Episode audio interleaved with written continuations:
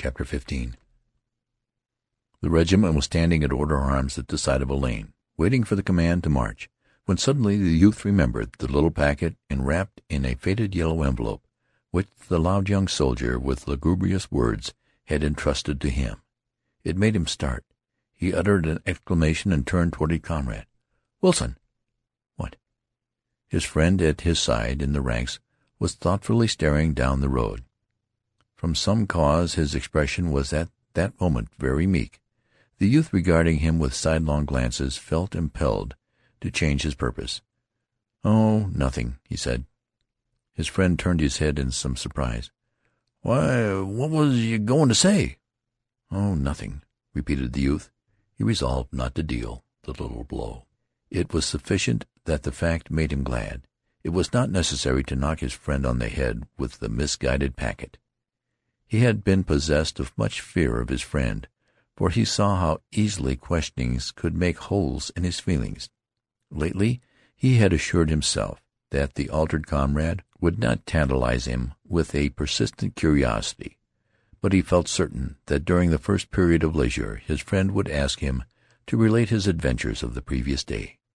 He now rejoiced in the possession of a small weapon with which he could prostrate his comrade at the first sign of a cross-examination. He was master. It would now be he who could laugh and shoot the shafts of derision.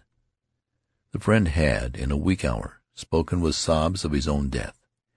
He had delivered a melancholy oration previous to his funeral, and had doubtless in the packet of letters presented various keepsakes to relatives. But he had not died, and thus he had delivered himself into the hands of the youth. The latter felt immensely superior to his friend, but he inclined to condescension. He adopted towards him an air of patronizing good humor. His self-pride was now entirely restored. In the shade of its flourishing growth he stood with braced and self-confident legs, and since nothing could now be discovered, he did not shrink from an encounter with the eyes of judges and allowed no thoughts of his own to keep him from an attitude of manfulness. He had performed his mistakes in the dark, so he was still a man. Indeed, when he remembered his fortunes of yesterday and looked at them from a distance, he began to see something fine there. He had license to be pompous and veteran-like. His panting agonies of the past he put out of his sight. In the present he declared to himself that it was only the doomed and the damned who roared with sincerity at circumstance. Few but they ever did.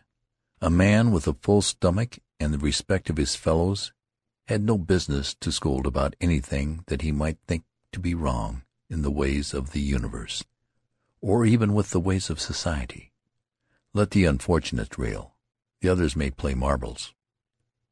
He did not give a great deal of thought to these battles that lay directly before him. It was not essential that he should plan his ways in regard to them. He had been taught that many obligations of a life were easily avoided.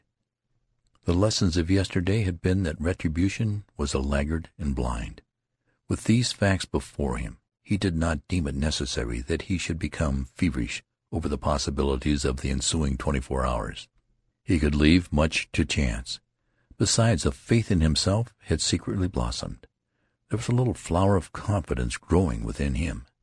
He was now a man of experience. He had been out among the dragons. He said and assured himself that they were not so hideous as he had imagined them. Also, they were inaccurate. They did not sting with precision. A stout heart often defied, and defying, escaped.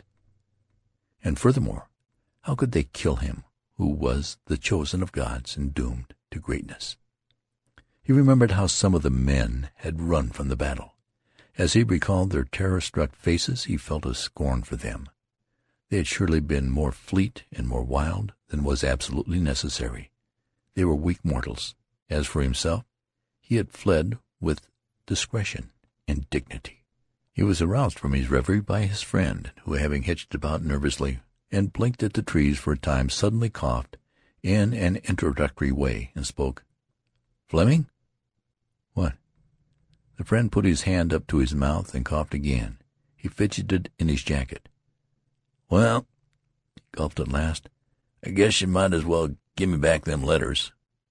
Dark, Prickling blood had rushed into his cheeks and brow. "All right, Wilson," said the youth. He loosened two buttons of his coat, thrust in his hand, and brought forth the packet. As he extended it to his friend the latter's face was turned from him. He had been slow in the act of producing the packet, because during it he had been trying to invent a remarkable comment upon the affair. He could conjure nothing of sufficient point. He was compelled to allow his friend to escape unmolested with his packet, and for this he took unto himself considerable credit. It was a generous thing. His friend at his side seemed suffering great shame. As he contemplated him the youth felt his heart grow more strong and stout. He had never been compelled to blush in such manner for his acts. He was an individual of extraordinary virtues. He reflected with condescending pity. Too bad, too bad. Poor devil. It makes him feel tough. After this incident, and as he reviewed the battle pictures he had seen, he felt quite competent to return home and make the hearts of the people glow with stories of war. He could see himself in a room of warm tints telling tales to listeners. He could exhibit laurels. They were insignificant, though in a district where laurels were infrequent they might shine. He saw his gaping audience picturing him as the central figure in blazing scenes, and he imagined the consternation and ejaculations of his mother and the young lady at the seminary as they drank his recitals.